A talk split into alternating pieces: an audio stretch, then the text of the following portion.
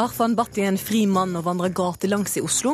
Snart slipper mulla Krekar ut av fengselet må kanskje flytte ut, på landet. De to er en hodepine for regjeringa, men er de egentlig farlige? Max Hermansen arrangerte antimuslims demonstrasjon der TV 2-journalist ble kalt muslimjævel. I ukeslutt møter læreren en av sine muslimske elever. Vi visste jo egentlig ikke hvordan du tenkte på islam. Og Marianne Auli ammer fremdeles dattera på tre år. Hun får forsyne seg akkurat som hun vil, sier kunstneren. Når jeg ser bilder av pappa som ble amma til han var fem, tenker jeg æsj, svar komiker. Hei og velkommen til ukeslutt her i NRK P1 og P2. Jeg heter Sara Victoria Rygg, og i denne sendinga skal vi også diskutere om det er lov å drive med juks og fanteri på bloggen sin. Men først siste nytt ved Eli Bjelland. Ja, Vi starter i Sverige. Tre personer omkom da de ble påkjørt av et godstog utenfor Ørnskjølsvik øst i landet i dag. Nødsamtalen viser at det var en person med barnevogn som ble påkjørt, men dette er foreløpig ikke stadfestet av politiet. Ulykka skjedde ved en jernbaneovergang. Demonstrasjonene mot det franske satiremagasinet Charlie Hebdo holder fram i Niger. Minst 1000 mennesker samla seg utenfor en stor moské i hovedstaden i dag, og politiet har svart med tåregass. I går ble en politimann og tre sivile drepne i demonstrasjoner mot Muhammed-karikaturer i Niger.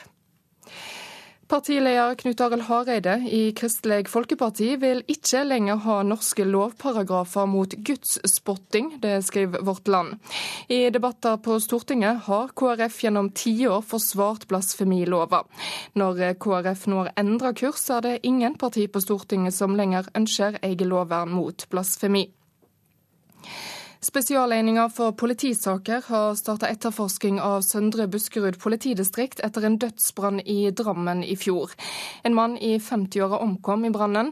Familien til mannen mener brannen kunne vært unngått, fordi politiet var på stedet kort tid før det begynte å brenne.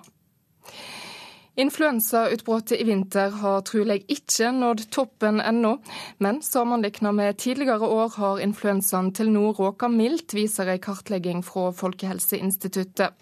På landsbasis har bare 15% fått påvist influensa i prøver som er sendt inn etter jul. Dette er dobbelt så mange som før jul, men likevel lågere enn normalt ved toppen av et utbrudd. Og nå holder ukeslutt fram. Jeg tenker jo at uh, med de voldshandlingene som de har uh, vist seg kapable til, i hvert fall uh, sånn ut med Batti, så, så, tenker jeg ikke at de bør gå fritt på gata. Frykter du for at de skal slå til mot samfunnet nå når de er fri? Kanskje mulig å kreke. Kanskje. Jeg vet ikke, men det kan godt mulig, ja. At det kan skje. Men jeg syns kanskje ikke mulig å kreke skal få være i Norge, da. Skal bli kastet ut? Jeg synes ja. Jeg syns ikke det er vits å gå rundt og frykte. så det... Jeg tenker vel som de fleste at de ikke burde ha vært her. Hvorfor ikke? Nei, fordi at jeg syns at de eh, oppfører seg på en måte som strider mot det vi mener er god oppførsel. Altså, Majoriteten er uenig i deres handlinger og deres ord. Da. Så da er det noe å frykte da. Advokat Brynja Meling, er din klient mulla Krekar farlig for Norge? Nei. Jeg forholder meg til det han hele tiden har gitt uttrykk for i gjentatte politiavhør siden 2003-2004, eh, i en rekke bevisopptak overfor en rekke domstoler, både i tingrett og lagmannsrett, hvor han sier han har ingen norsk agenda, han har ingen internasjonal agenda. Han er en kurdisk politiker, en kurdisk religiøs skikkelse, og det er det som er hans agenda. Advokat Jon Christian Elden, er din klient eh, Arfan Bhatti farlig for Norge?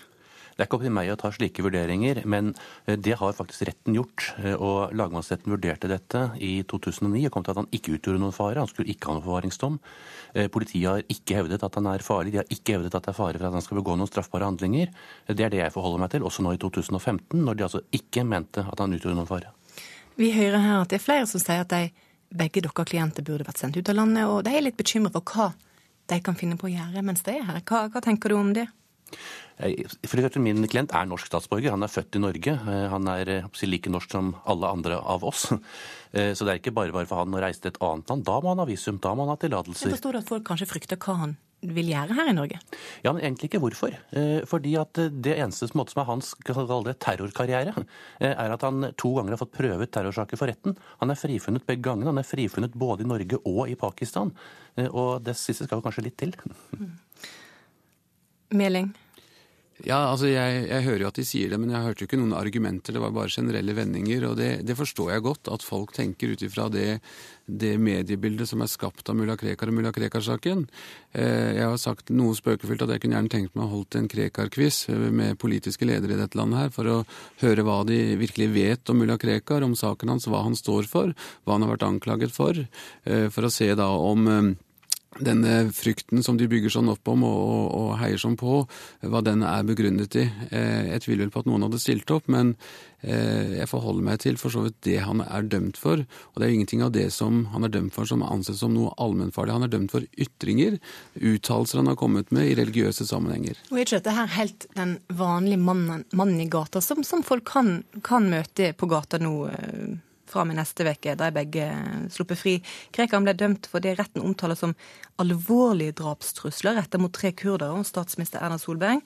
Bhatti blir karakterisert som limet i det islamistiske miljøet i Norge og er dømt for medvirkning til åtak på synagoger i Oslo.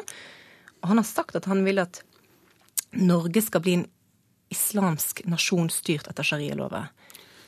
Er ikke det litt jo, men det, det, dette er et eksempel, for nå blir ting tatt ut ifra sin sammenheng. Eh, du refererer noe fra en dom, og da må du ta alle premissene i den dommen og bakgrunnen for de uttalelsene som kommer.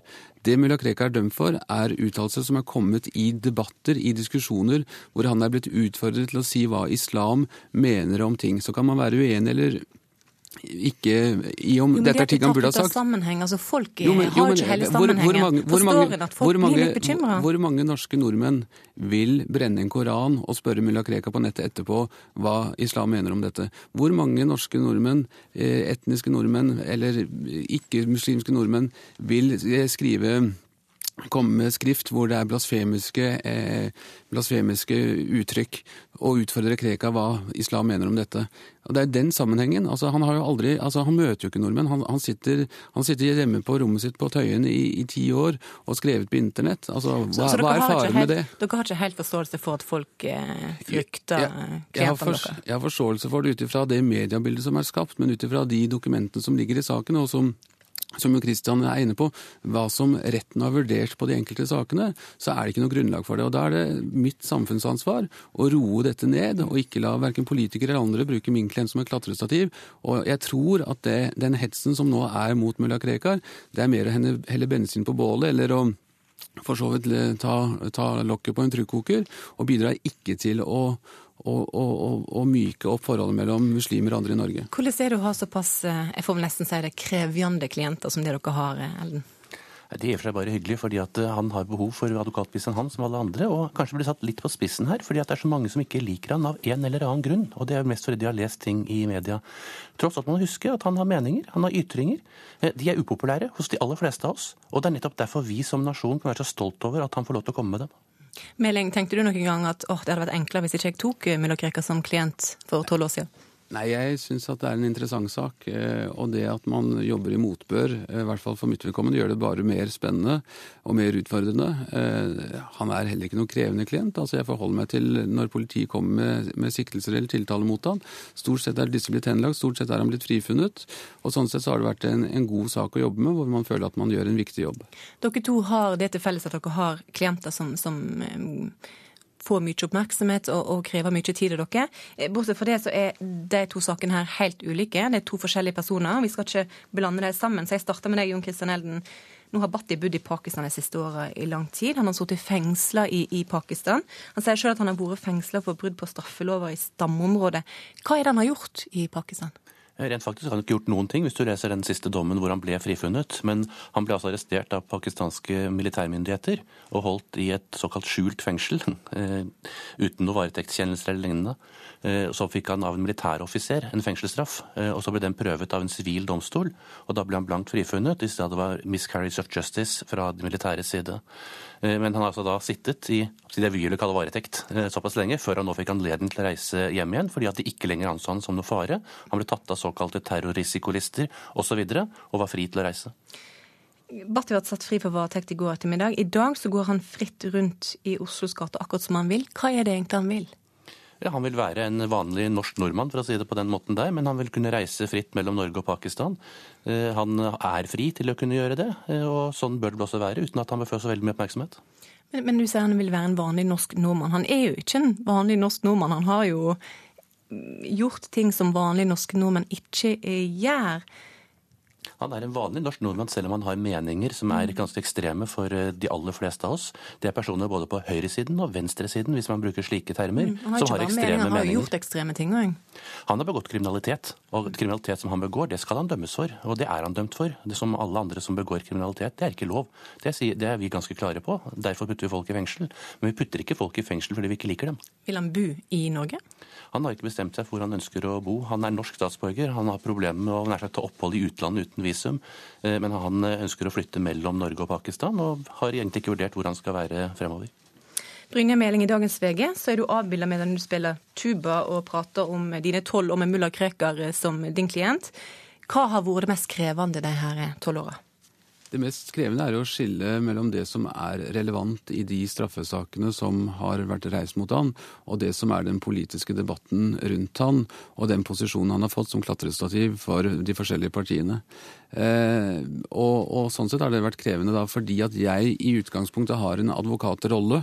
Eh, og blir bedt om å kommentere politiske ting og samfunnsmessige ting som ligger utenfor rollen. Og det har vært en utfordring å ha tunga rett i munnen og ikke gå ut av rollen. Og Jeg ser tilbake at det kanskje har vært vanskelig, men samtidig med den faren det har vært for at den suggesjonen rundt Krekar skulle ta av, så har jeg sett på det som, som nødvendig. Mm. Men, men, den kritikken som i perioder har kommet mot meg eh, på det punktet, den har jeg tatt inn over meg, og den prøver jeg hver gang det kommer en slik problemstilling opp, og, og, og tenke gjennom at nå må du huske, du er ikke prestetalsmann, du er ikke, du er ikke broren hans, du er ikke kompisen hans, men du er advokaten hans. Mm. Eh, nå jobber politiet på spreng med å finne et sted å bosette Krekar. Og, og Frp vil ha han egentlig ut av landet, men nå blir det sannsynligvis ut på landet. Ville du hatt Krekar som nabo? Ja, altså nå, nå, ser jeg at uh, Frp må rydde i preposisjonene sine og, og, bruke riktig om av og på og ut. Men eh, jeg hadde ikke hatt noe problem med å ha mulla Krekar som nabo. Uh, av sikkerhetsmessige årsaker så har jeg alltid når jeg har besøkt Krekar, eller når vi har hatt møter med Krekar, hatt de hjemme hos han, fordi det har vært risiko for han å gå ut i perioder. Uh, da møter jeg naboer i oppgangen i de forskjellige stedene han har bodd, uh, og gjentatte ganger er jeg blitt stoppet inn og ut av leiligheten hans av naboer som har gitt stor uttrykk for at de setter pris på den hyggelige naboen de har hatt i nabolaget sitt. Helt kort til slutt så vil jeg spørre dere begge to. Hvordan bør Norge takle klientene deres? Meling, du kan starte. Jeg tror det viktigste er å ta lokket av trykkokeren. Eh, la disse få prate. Eh, heller invitere til dialog enn å prøve å begrense eh, deres ytringer. Heller spørre, invitere til en diskusjon om hva er det egentlig dere mener, hva er det egentlig som er deres agenda. Vi er tvunget til å leve sammen i denne lille smeltedigelen her oppe i nord. Og, da er dialog bedre enn å å, å gå til konfrontasjon slik de gjør nå. Ellen? Jeg sier bare la mannen, la mannen snakke. Diskutere med han. Ferdig med det, hvis det er noe han har å gå på. Men det er ikke opp til media hele tiden løpe etter han og lage saker heller. Mm. Takk til dere to. Eh, Gøran Kalmyr, du er statssekretær i Justisdepartementet for eh, Frp. Vi får et bilde her av eh, to menn som bare vil være normale menn på gata uten å bli forstyrra. De er gode naboer, de er de er greie, sier klientene. Er, det, er du enig i det bildet? Eh, jeg tror nok det at vi snakker om ganske spesielle personer her. Eh, men jeg skal ikke gå mer inn på vurderinga av hver enkelt person. Eh, fordi det er også slik at det er politiet som etterforsker eventuelle lovbrudd. Og det er påtalen som er uavhengig av oss politikere, som må eventuelt gå til retten med det.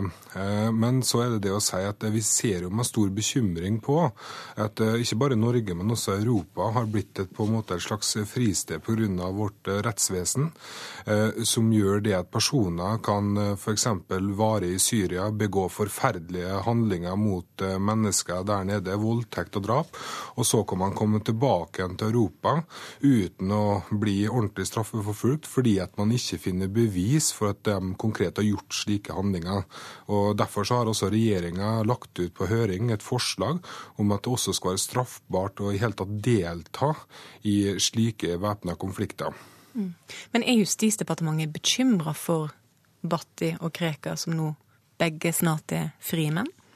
Jeg tror bekymringsvurderinga skal PST og sikkerhetsmyndighetene få lov til å ta seg av, uten at vi skal kommentere det politisk. Og Det er jo det som er litt av det fine også med Norge. At politikerne vi vedtar reglene, og så er det innenfor de reglene så må politiet og påtalemyndighetene gjøre sine vurderinger. Og Slik må det være, og det må vi ikke gå vekk fra i denne runden her nå. Men det som vi tar til orde for, det er en lovendring som gjør at vi har et hjemmelsgrunnlag for også å kunne straffeforfølge forfølge personer som f.eks. har deltatt på IS sin side i Syria. fordi det er ikke noe tvil om at det, det de gjør nede i Syria, det er grusomme handlinger mot menneskeheten. Og så kommer problemet også. Når de kommer tilbake til Norge, så har de også i Syria gjort forferdelige handlinger. De har trådt over en par grenser på hva mennesker kan gjøre. Og de holdningene tar de med seg tilbake til Norge, og det er bekymringsfullt. Mm. Lars Gude, du er førsteamanuensis ved Høgskolen i Oslo og Akershus og forsker på ekstremisme. Det har vært to blodige uker med terrorangrep og antiterroraksjoner i, i Europa. Hvordan er terrortrusselen mot Norge nå? Den er vel omtrent den samme som den var for 14 eh, dager siden. Det er ingen grunn til å hause opp dette trusselbildet. Men vi skal heller ikke være naive. Det er en reell eh, fare. Den er ikke stor, men den er reell. Så det er viktig å utvise årvåkenhet. Det er viktig at vi har sikkerhetsmyndigheter som følger denne situasjonen tett. Mm. Hvordan ser Justisdepartementet på, på situasjonen i Europa, sånn som den er nå, opp mot situasjonen i Norge? Ja, altså Sikkerheten, eller Trusselnivået i Norge er jo skjerpa, eh, og det har vært det nå i en stund. Eh, og Det er jo fordi at eh, sikkerhetsmyndighetene i Norge ser jo at det er en økt trussel mot Norge. Og vi er bekymra for både dem som har vært i Syria, men vi er også bekymra for andre radikaliserte element som er i Norge. Og Vi har jo derfor også satt i gang ganske mye arbeid for å forhindre og forebygge også radikalisering.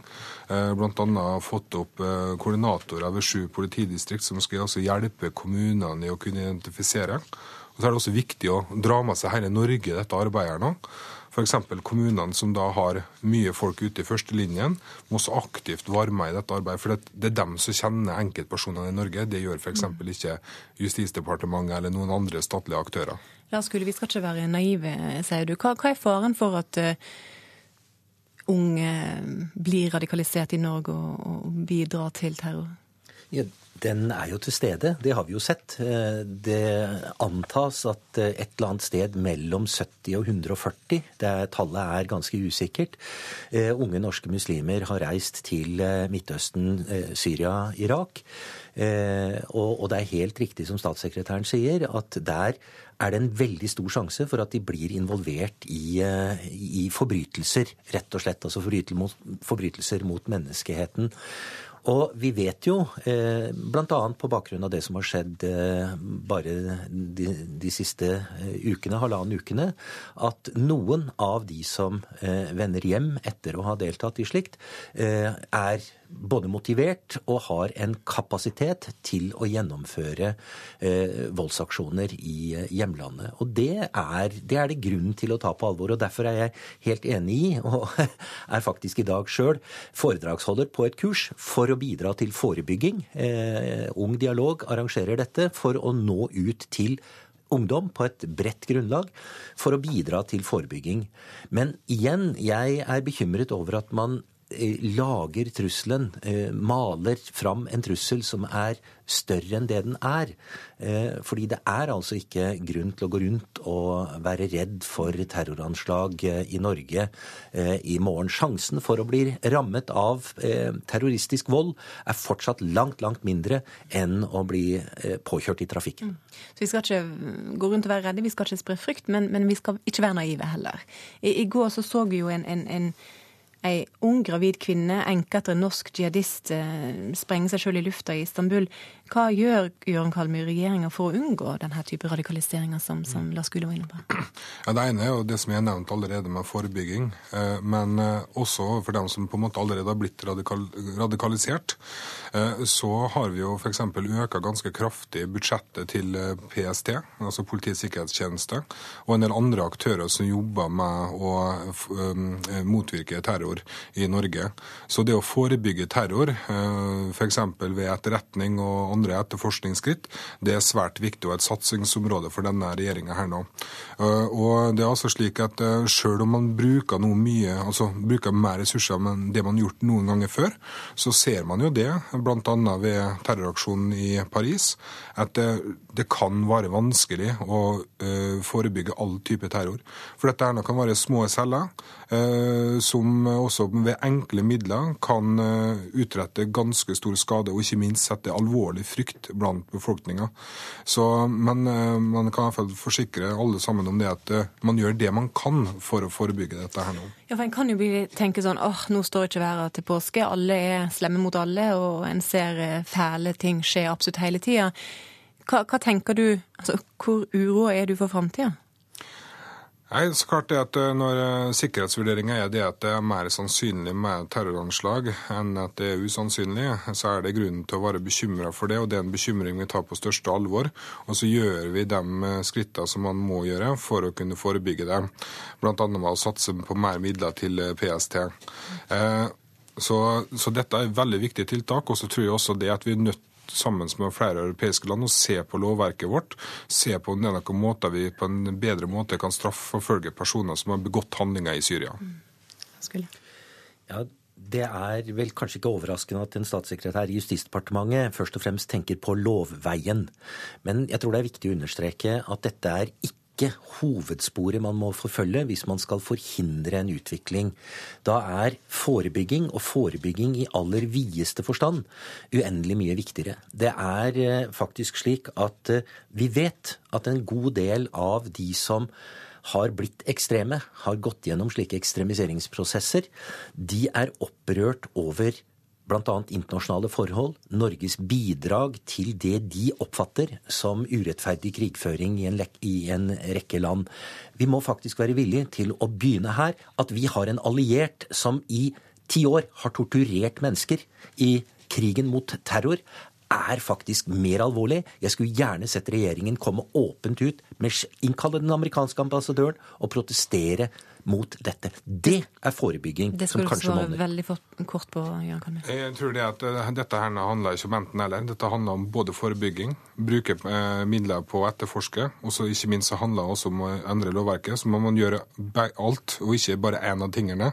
For det hjelper ikke å forebygge overfor den som allerede er blitt radikalisert og begått sånne grusomme handlinger. Dem må det tas handling overfor. Vi skal snakke litt om, om bråket som har vært i Frp den siste, siste veka. Krekar-saka har skapt mye bråk i partiet. Per Sandberg har vært svært kritisk til justisminister Anders Anundsen sin håndtering av, av saka. Eh, og det har vært stor forskjell på hva Frp sa om saka for noen år siden, og hva de sier nå. Hør her. Vi vil sette både mulla Krekar og talibanere i forvaring inntil vi kan sende dem ut. Er du villig til å bryte menneskerettighetskonvensjonen? I sin absolutt ytterste konsekvens så er jeg det. Fordi at regjeringen nå skryter av at de skal innføre meldeplikt. Altså hva i all verden er det for slags patetisk tiltak mot denne mannen?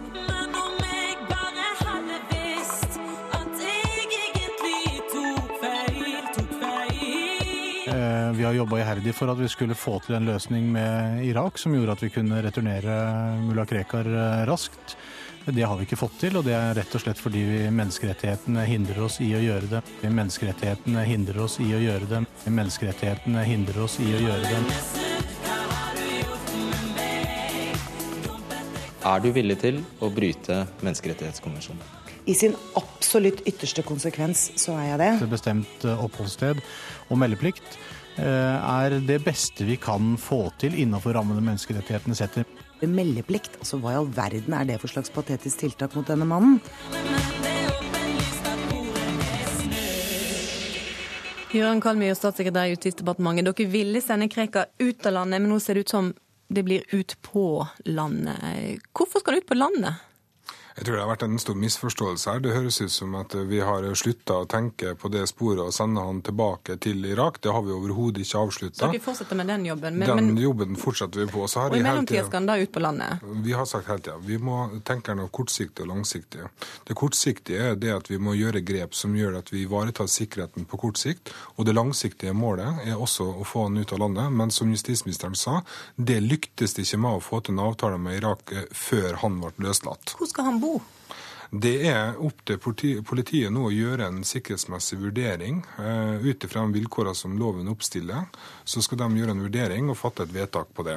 Uh, sånn at Vi politikere vi blander oss ikke inn i de politifaglige begrunnelsene som skal ligge til grunn for hvor han skal bo. hen. Vi venter på det svaret. Det kommer neste uke. I mellomtida har reporter Linn Gabrielsen stilt ordføreren i Ullensaker i Akershus, Harald Espelund, det samme spørsmålet. Hvor skal Krekar bo? Som ordfører så kan ikke du si at noen er uønska i din kommune. Det sier ordfører i Ullensaker i Akershus, Harald Espelund, som er en av en rekke Frp-ordførere som sier de er villige til å ta imot Krekar. Vi, vi aksepterer eh, de som eh, blir plassert i kommunen. Jeg er ordfører for samtlige. Det er en del eh, andre Frp-ordførere som har sagt nei, det hadde jeg ikke villet. Du er ikke redd for å bli upopulær blant velgerne dine, da? Det har jeg ikke tenkt over, men jeg har alltid hatt som motto å behandle alle likt. Og, og det gjør jeg også i denne saken her. Men vil folk i Ullensaker ha mannen som Høyesterett i 2007 sa at var en fare for rikets sikkerhet, i nabolaget? Men eh, jeg syns ikke han har rett til å være noe sted. Det er min mening. Han er bare å sette på et fly og sende hjem. Nei, det vil jeg ikke. Hvorfor ikke? Nei, Han har vel en historikk, han, så eh, jeg syns vel ikke det hadde vært noe trivelig at en sånn person i nabolaget. Nei, det er jo ikke greit. Hege og Jeanette er en av de som koser seg på kafé. Nei, da blir han jo Han blir jo på en måte litt sånn redd skremt, tenker jeg da. Ja. Hvor, hvor langt ut på landet burde de plassere han?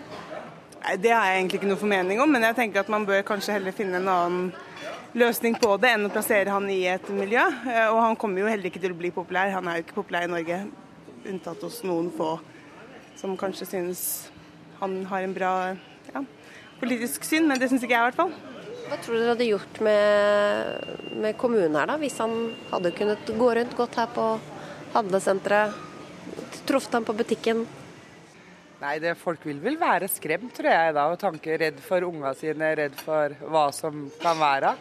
Når man ser alt som på en måte skjer rundt omkring. På en benk sitter en eldre mann og leser siste nytt om Krekar i dagens avis. Jeg bryr meg egentlig ikke hvor han holder til, barn ikke er i Norge. Tror du folk her hadde tatt vel imot ham? Nei, tror jeg ikke. Hvordan tror du det hadde vært å, for ham å bo her? Ja, jeg er redd for det at det hadde blitt et sånt eh, et mobbeoffer. Og at det blitt eh, valfarta hit for å kaste stein på vinduene. Altså. Det er nok nok av de som ville gjøre det. Kunstner Aune Sand mener kona er mer kvinne enn noen gang. Tykker det er vakkert at Marianne Auli fremdeles ammer dattera på nesten tre år. Og superblogger avslørt etter at mannen forfalska kommentarer på nettsida hennes. Jeg ville gjort det samme for en jeg elsker, sier blogger. Fint å forsvare kona si, men dette er noe av det flaueste jeg har hørt om, svarer en annen. Ra, ra, ra, ra, la, la, la, pupp. Én, to, pupp. Da blir det pupp. Nå er hun to år og syv måneder, så hun sover på puppen hele natta. Så Marianne har jo liksom totalofret seg. Å, oh, nå var du vakker, Marianne. Jeg, jeg tror ikke jeg, Du lever farlig i dag. Nå tror jeg det blir lillemor nummer to og tre. Oi, oi. Kunstner Aunesson var tydelig begeistra da samboer Marianne Auli kneppa opp blusen, trakk fram puppen og amma dattera si på TV 2 tidligere i veka. Dattera, Aela Malove Bluebell Marie Ingeborg Gjørdis er snart tre år gammel, og Auli mater hun på TV for å slå et slag for at kvinner skal amme sine barn, også de som er litt eldre. Marianne Auli, hvorfor ammer du fremdeles dattera di som snart er tre år? Nei, det er fordi hun har lyst på pupp, og fordi det er en fantastisk tid både for henne og meg. Eh, hun har behov for det, hun har behov for den nærheten og ikke minst roen som hun får når hun ligger inntil brystet. Det er en veldig eh, kort og Selv om det er tre år, så går tiden veldig fort. Og det er veldig verdifull tid. Eh, hun er en ganske rastløs person. Løper rundt hele dagen, og det er noen få minutter hvor hun ligger inntil og er bare i ro og koser seg og lader opp til nye, nye sprell. Norske helsemyndigheter de anbefaler jo at barn får morsmelk eh, fullamma fram til de er seks måneder, og, og at, de, at amminga holder fram det første leveåret. Det er ikke så mange som ammer like lenge som deg. Hvilke fordommer møter du når du ammer et såpass stort barn? Nei, først vil jeg si at uh, det jeg tenker er vi må slutte å gi uh, mødre og kvinner råd. Jeg tror at kvinner er eh, så i kontakt med seg selv og intuisjonen sin at det er opp til hver kvinne å velge. Så jeg ser ikke så veldig mye til de fordommene, fordi for meg så følger jeg det som er riktig for mine barn, og det har fungert veldig bra for min 16 år gamle datter og min nå snart 3 år gamle datter.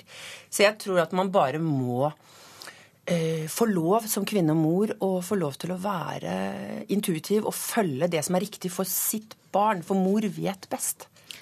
Komiker Dora Thoralsdottir, eh, du har et standupshow som mm -hmm. het eh, Det var ikke sånn det skulle være. Det handler vel litt om drømmen om å bli mor, og så eh, var det ikke så enkelt som det egentlig var likevel. Det var mye nattevåking og den slags. Du, ikke, du var ikke like begeistra for amming som, som Auli her? Jo, altså jeg var begeistra for amming før jeg fikk barn, og ville gjerne få det til sånn som alle andre, for det er det som på en måte er bildet på den perfekte moren, at du ammer og har den roen og sånn. Jeg fikk det ikke til, og det handler om at jeg hadde rett og slett ikke nok melk. Jeg hadde brystbetennelser, jeg hadde blødde fra brystvortene. Og det jeg opplevde var helt forferdelig, fordi at jeg holdt på med dette i fire måneder og gråt, og barnet gikk ned i vekt. Og likevel sa de på helsestasjonen bare fortsett, bare fortsett, bare fortsett. Og jeg ringte Ammehjelpen og hulka og gråt mange ganger, og de sa bare fortsett, fortsett, fortsett. Og da jeg endelig krøp til korset og kjøpte morsmestererstatning uten å ha blitt anbefalt av noen til å gjøre det, så føltes det som å kjøpe gift og gi til barnet mitt. Så jeg opplevde at det var helt forferdelig å ikke få det til, fordi at det, det var så hardt press på å amme. Mhm. Så fikk du til eh, med barn nummer to. Da ja, amma du fram til åtte måneder. Men, mm. men, kunne du amma barnet ditt like lenge som Marianne Aulie amma sitt barn? Nei. Eh, det som er, jeg vil først bare si at jeg er helt enig med det Marianne sier, at det er opp til hver enkelt. Og jeg sitter ikke her på min høye hest og sier hva andre burde gjøre, for det vet man selv best hva som er riktig for deg. Så jeg sitter ikke og sier at det er feil. Men det jeg kan si for min del, er at jeg syns det var naturlig å slutte da. Og det er flere grunner til det. Det ene det er at jeg følte etter hvert et behov for å få tilbake kroppen min. Eh, at ikke det var et felleseie for eh, oss begge, på en måte. Så det var én ting jeg merka etter hvert at jeg hadde behov for at jeg er meg, og nå eh, blir jeg meg ved å ikke amme mer. Og så er det en annen ting. Nå er jeg utdanna familieterapeut, og det jeg er litt opptatt av, er jo også det at barn når de er to og et halvt år, så kommer de i det som heter selvstendighetsalderen, som har blitt kalt for trassalderen. ikke sant? Og det som skjer, er at de går fra å være baby til å bli et barn. og blir liksom tydelige på at oi, jeg er en egen person, jeg har mine egne grenser. Og så blir de veldig tydelige jeg vil og jeg vil ikke. Eh, og jeg føler at når barn er da i selvstendighetsalderen, at da føler jeg personlig at det er naturlig at de ikke er i den symbiosen lenger med mor, fordi at de er i ferd med å bli mer selvstendige. Mm. Fortsett å ta kroppen din tilbake da, Marianne Auli. Ja, først vil jeg si jeg har en jente på 16 år, og hun reiser verden rundt alene, og er vel en av de mer selvstendige unge kvinner jeg har truffet. Eh, hun fikk pupp i tre år. Um, så jeg tror ikke det handler om det, men, eh, men det får man jo diskutere. Symbiose, ikke symbiose. Jeg tror det er en veldig, veldig fin tid som skaper trygghet ja. og nettopp selvstendighet for et barn. Um, kroppen tilbake, ja. Den kommer tilbake av seg selv, og jeg tror ikke det handler så mye om det, egentlig. Jeg, eh, jeg føler meg som en veldig fri og sterk kvinne, men, men det handler ikke om hvor lenge jeg ammer. Så, men det må være opp til hver enkelt kvinne. Og nettopp som du sier, jeg dømmer heller ikke de som, som ikke får det til. Og det er vanskelig å amme. Jeg hadde også eh, noen veldig utfordrende uker med, med lillemor. Første, første runden var veldig, veldig tøff. Eh, så det er ikke lett. Og man får brystbetennelser, og man har vondt, og det er ganske grusomt. Men så kan det løsne seg. Hvis det ikke løser seg Min mor fikk det ikke til akkurat på samme måte som deg. Eh, jeg er veldig knyttet til henne i dag, så selvfølgelig kan man være like knyttet uansett. Hun sleit også i ukevis og måtte bare gi opp. Så jeg vet at det er ikke alltid det faktisk går. Men som du sier, Ammehjelpen er faktisk veldig veldig flinke. Eh, men de gir råd om forsøk, forsøk, forsøk. Men får du det ikke til, så selvfølgelig ikke. Men alle er enige om at det er positivt å amme for barnet. Men så er jo den der grensa hvor en skal slutte. Og der er det jo mange som mener at når barnet begynner å spørre om melk sjøl, så er det kanskje på tide å, kutte det ut. Du sa det at faren din Du så et bilde av faren din eh, som amma når han var fem år, og da sa du Nei, jeg har hørt det at han ble amma veldig lenge, eh, opptil nesten fem år. Sånn at, eh, og det tror jeg var vanlig kanskje før at det var litt lenger. Nå, det som er at Vi lever jo i et samfunn som har litt sånn fasiter på ting. Og det er litt sånn fordi veldig mange kvinner går ut i arbeidslivet når barna er ett år, så er det blitt litt fasiten at da slutter man naturlige grunner og alt som er annerledes, alle som gjør ting da på en annen måte, blir sett på som rart og unaturlig. Og så blir det oppmerksomhet, og her sitter vi fordi hun gjør ting som ikke de fleste gjør. Men det jeg er litt opptatt av å si, og dette handler ikke om egentlig Marianne, men det handler egentlig om dette her med, uansett med barn, viktigheten av å ikke ofre seg Altså at Så lenge du gjør det uten å føle at du ofrer deg For med en gang du begynner å ofre deg for barnet ditt, så blir du ettergivende. Og det barnet egentlig lærer da, er at mine behov er viktigere enn andres behov. Og der kommer vi inn på, Marianne. Du ligger jo i en stilling som er usedvanlig ubehagelig, for du sier at dattera di skal kunne ta for seg akkurat sånn som hun vil om natta. Ja. Er ikke det å ofre seg litt vel masse på sitt barn? Ja, nei, vet du hva. Jeg har aldri tenkt på det å ofre seg. Igjen, uh, igjen uh, det er en veldig kort og, og var tid. Eh, og hvor lenge jeg kommer til å amme Ayla, det vet jeg ikke ennå. Det kommer an på hvor lenge hun vil. Men det er jo helt naturlig. Etter hvert så vil et barn eh, få andre behov og mindre og mindre tid til å puppe. Men jeg har aldri tenkt på det som et offer, og det tror jeg er veldig viktig som foreldre å ikke tenke at man ofrer. Det er de få årene som hun er liten. Jeg ser nå er Alba 16 år, og den tiden går så fort. Så jeg tenker bare sånn Nå er jeg mor, nå er det hennes behov, nå er det deres behov. Og så gjør jeg også de tingene som, eh, som jeg skal. Og du sier eh, dattera di får holde på så lenge hun vil, men når setter du som mor grense? Nei, Jeg tror det er helt naturlig. Fordi Alba var tre år, og da var det andre ting hun var opptatt av. Så jeg tror det går helt naturlig. Så rundt konfirmasjonsalder, da Ja, sånn cirka. Da er det greit. Jeg tror det, jeg tror det er opp til hvert enkelt barn, og det er det som er vidunderlig. Takk til deg, Marianne Auli, og takk til deg, Dora Thoralsdottir.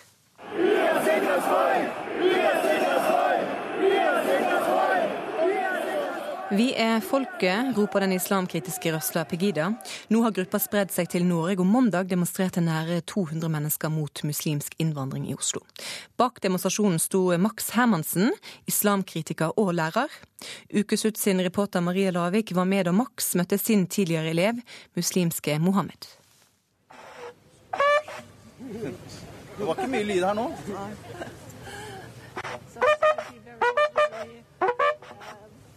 den er for kald. Selv om trompeten er kald, så er engasjementet mot islam brennheit. Demonstrantene i Oslo sentrum vaier med norske flagg. Ei kvinne holdt opp en plakat der det står 'Ikke burka på min datter'. Vi er her som en eh, protestmarsj på et humanistisk grunnlag for å protestere mot uh, muslimsk innvandring og for, eller mot uh, den påvirkningen islam har mot Norge. Mannen med trompeten heter Max Hermansen. Han har tynt hår og briller, og han leder den islamkritiske bevegelsen Pegida. Vi kommer til å gå en kortere rute. Vi kommer til å gå ned og rundt rådhuset, ned på Rådhusbryggen. Er dere med på det? Ja. ja. Ifølge Max Hermansen så skaper muslimer problem overalt hvor de går. Når vi er på skolen, når vi er på jobb, i nabolaget, ikke minst i trafikken. Ukeslutta utfordrer Max Hermansen til å møte en av de som han snakker om. Mm. Er det Mohammed? Det er det. Mohammed rekker fram handa for å hilse på gamlelæreren. Hei, hei. Hyggelig at det er du som kommer. Ja. Dere husker hverandre? ja, Det er vanskelig å ikke huske hverandre. Max Hermansen var lærer for Mohammed Amir Sesisi i et halvt år. Vi visste jo egentlig ikke hvordan du tenkte på islam sånn sett.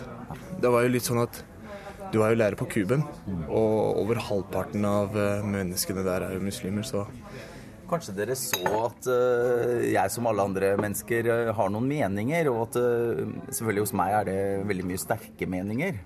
Um, og det er umulig for en hvilken som helst person å, være 100% nøytral. Mohammed har sett på Facebook-sida til Max. Nei, jeg så jo den ene. Der hvor du hadde en Malboro-pakke. Der hvor det står Mohammed istedenfor Malboro. Og så står det Islam seriously hurts you and others around you. Det vil jeg si er veldig, veldig ekstremt.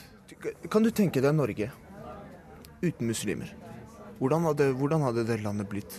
Det hadde ikke Det, det hadde ikke det, det, sitter, det sitter muslimske, muslimske mennesker i Stortinget, Max. Det er muslimer hvor enn du går. Vi vet jo ikke riktig hvilket samfunn uh, vi ville hatt uh, uten uh, muslimsk innvandring. Men, men det er vel ganske sikkert at vi hadde hatt nesten ingen tvangsekteskap. Vi hadde hatt nesten ingen kjønnslemlestede.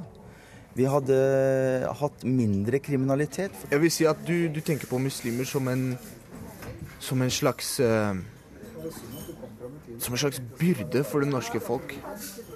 At eh, mange går på sosial, og de har ikke så mye norsk erfaring. og men så ville du, du ville hjelpe Josef, det ville du. Og du ville, hjelpe, du ville hjelpe meg også. Du ville hjelpe hele klassen min, og halvparten av min klasse, som du også vet, er muslimer.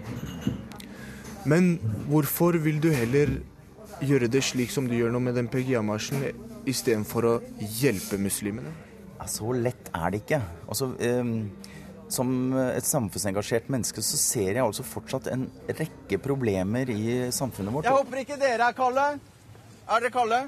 Nei. Nei. Vi er varme om hjertet. Vi er varme om hjertet. Takk skal du ha for den. Så foreslår jeg også at flest mulig av dere prøver å snakke med de journalistene som er her.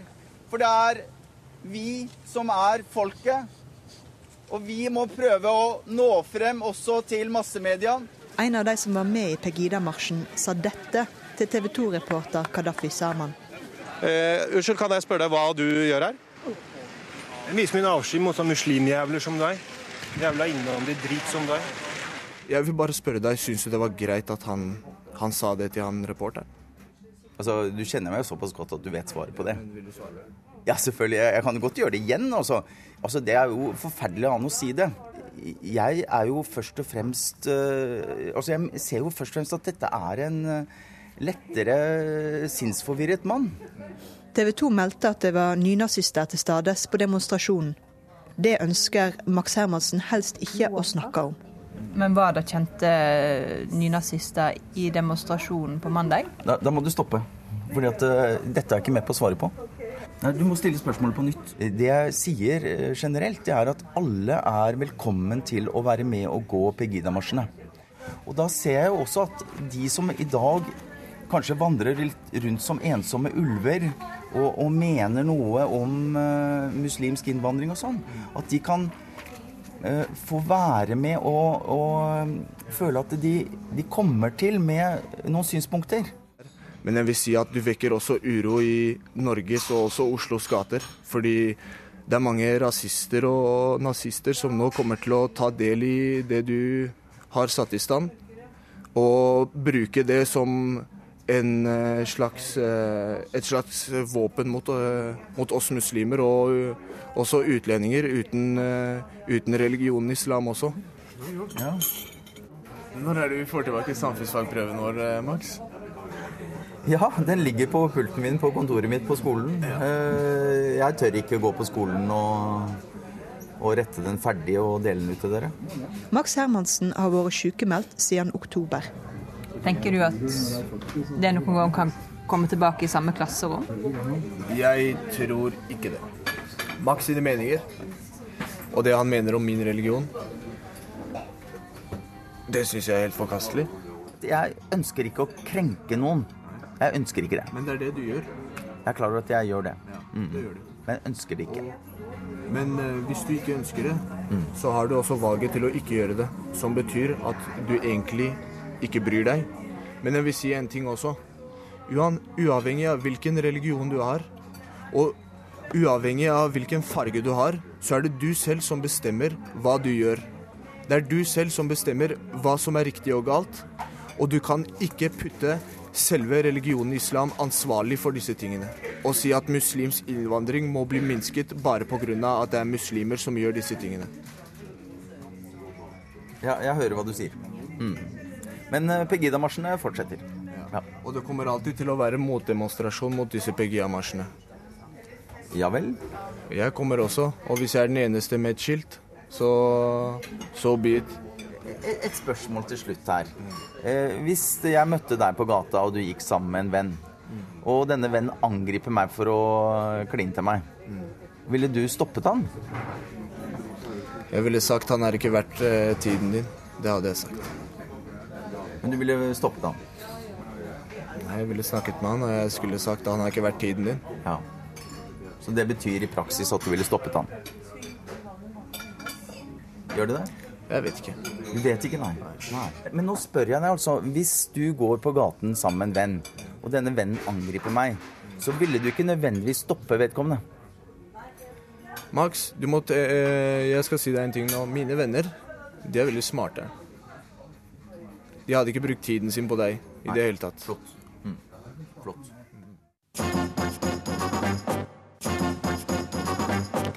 Midt oppi alle store og viktige nyheter om alt som skjer i verden, fikk norske medier blod på tann da de oppdaga at rosabloggeren Fotballfrue, eller Karoline Berg Eriksen, hadde forfalska innlegg på bloggen sin.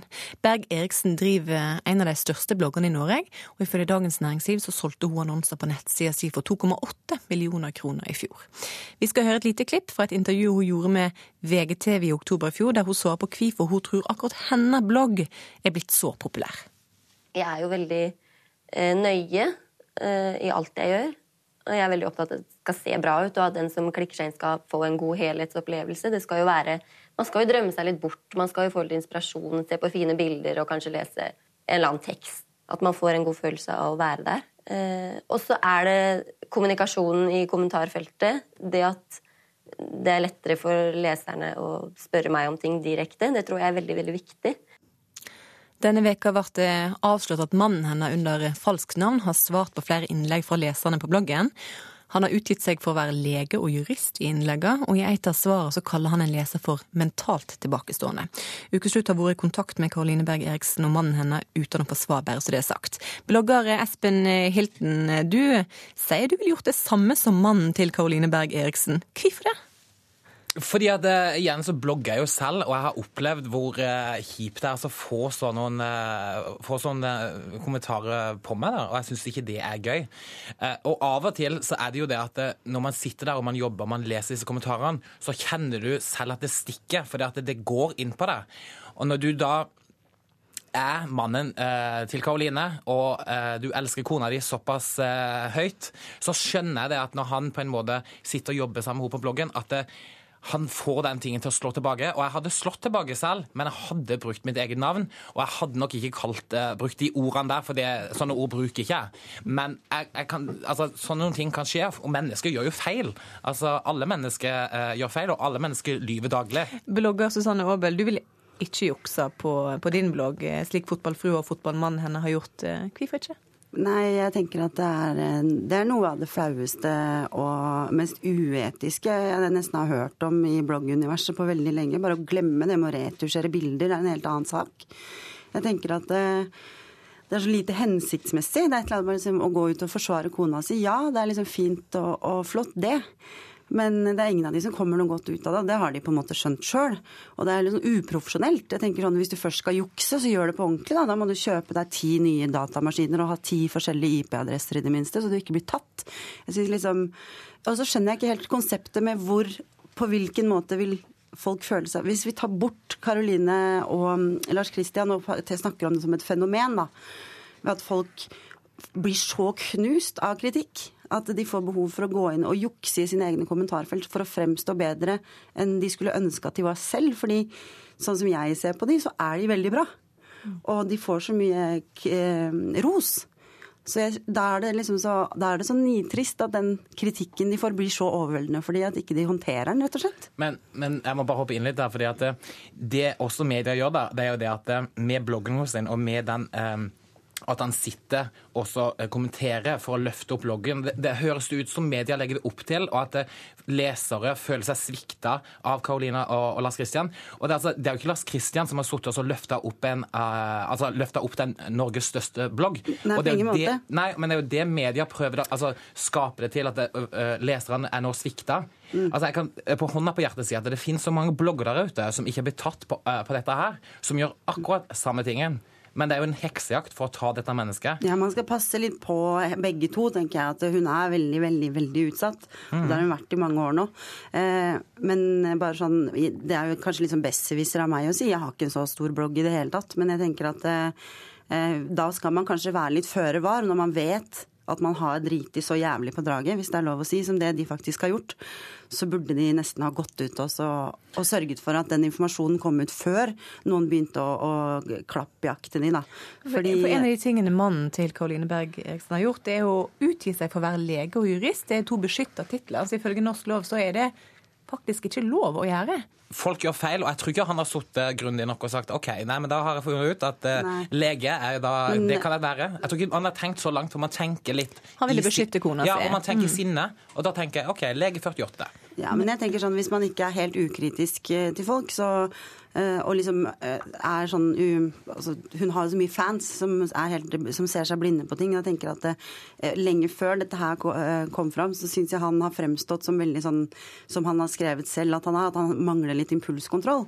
Og dette med å sitte og forsvare kona si er egentlig veldig fint i utgangspunktet, men når du ikke klarer å styre deg, eh, så blir han veldig usaklig innimellom i dette fors forsvaret sitt. da. Ja, og det er greit, men hva om du snur om dette her, da, og se deg selv, da, at du, du sitter i samme situasjon, men det er din sønn som opplever dette her, og det er du som mor som sitter og leser kommentarene. Og den kjærligheten, da. Altså, du slår hardt tilbake, og du tenker ikke. Nå har jo jeg en kjæreste, jeg også, faktisk. Ja. Eh, Og jeg får nå høre at jeg er både tjukk og stygg og slem og feit og barnemorder og en hel haug med merkelige ting på både bloggen min og i kommentarer jeg skriver. Og jeg tror kanskje han heller ville gnagd over seg pulsårene enn å sette seg ned og forsvare meg. Det, det vil jeg helst gjøre sjøl. Ja, men det er jo forskjellen, da. ikke sant? For du driver den bloggen alene. De, disse her to har jo et firma som de driver sammen. Som Hvis formålet hans er å skåne henne, så vidt jeg har hatt inntrykk av at han skal pløye seg gjennom kommentarfeltene så hun skal slippe, så har jo det mistet hensikten, det Men også. du, du sier at dette her er et firma, og det er et ganske svært firma etter Ja. hvert. De tjener masse penger på denne bloggen her. Bør ikke den da være korrekte? Altså, de har, masse, de har masse folk som sitter og leser og følger med, og som, som føler Det er jo at det hun de sier sjøl. Jeg er så nøye. Ja. Jeg er så pedantisk, på en måte, og så har hun juksa. Og det jo, men folk, er det, det litt meg gøy. så og jo, jo, det og det, det skjønner jeg, men det irriterer meg inn i granskauen hvor mye vi skal sitte og tenke på Karoline og hva den bloggen gjør. For i bunn og grunn så er dette en blogg. Det er blitt gjort en tabbe, men det fins så i, Sorry, jeg har lyst til å banne, men det fins så mye mer ja, Men det fins liksom så mye Eh, Jeg kan ta ett eksempel som irriterer meg. Det er at Du går der på skolen, så, så spør du ja, eh, kjære elever, hva har, i, hva har skjedd i januar eh, måned? Det eneste de sier, nei, det er jo hun der Karoline Berge, fotballfrue. Altså, unnskyld meg, hva er det du lærer da? Hva er det som har skjedd i Frankrike? Altså, Det er så flaut hvordan vi holder på i media. Jeg mener at underholdningsnyheter har stor verdi selv om det er krig i verden. Da. Og at man ikke skal liksom straffe seg selv for at man har den der kikke, kikkeren i seg som er opptatt av hva andre driver med. Han har gjort en ting som ikke er OK. For det er ikke fint å kalle folk det, og det er ikke, det er ikke bra at du går inn og så kommenterer under lege 84. Så det jeg eh, mener er jo at det, hvis du skal gjøre det, så bruker du Lars Kristian, eh, og Mm. så skriver du det du føler, men skriv det på en voksen måte. Og det syns ikke jeg han har gjort. Så den, den får han ha på sin kappe, og, så får han, eh, og han har sagt unnskyld og beklaget seg på det. har han gjort. For en må tåle ganske masse når en er blogger.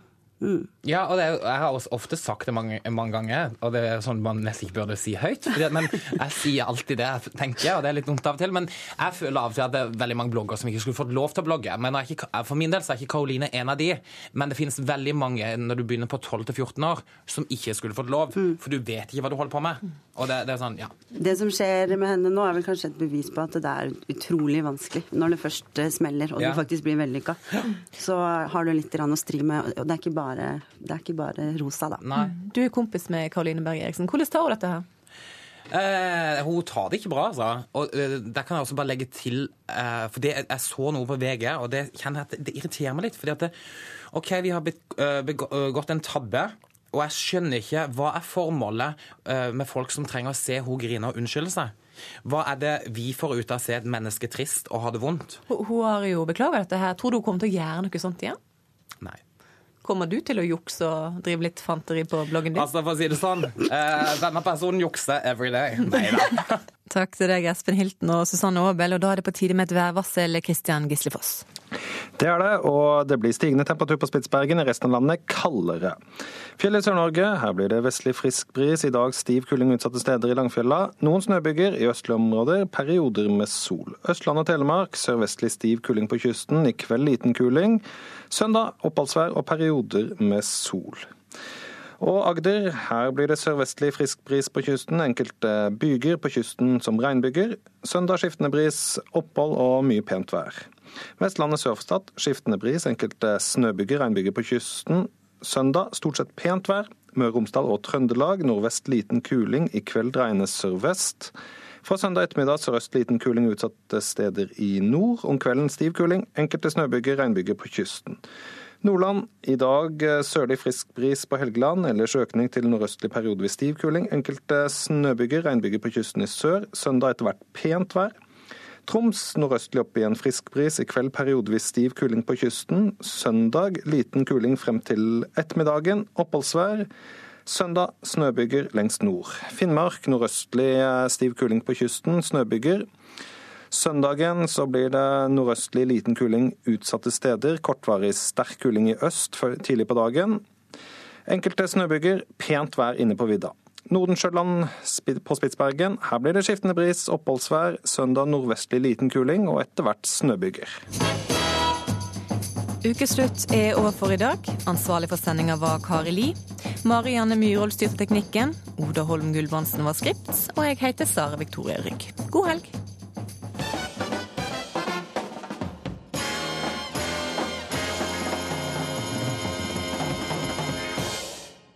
Hør flere podkaster på nrk.no podkast.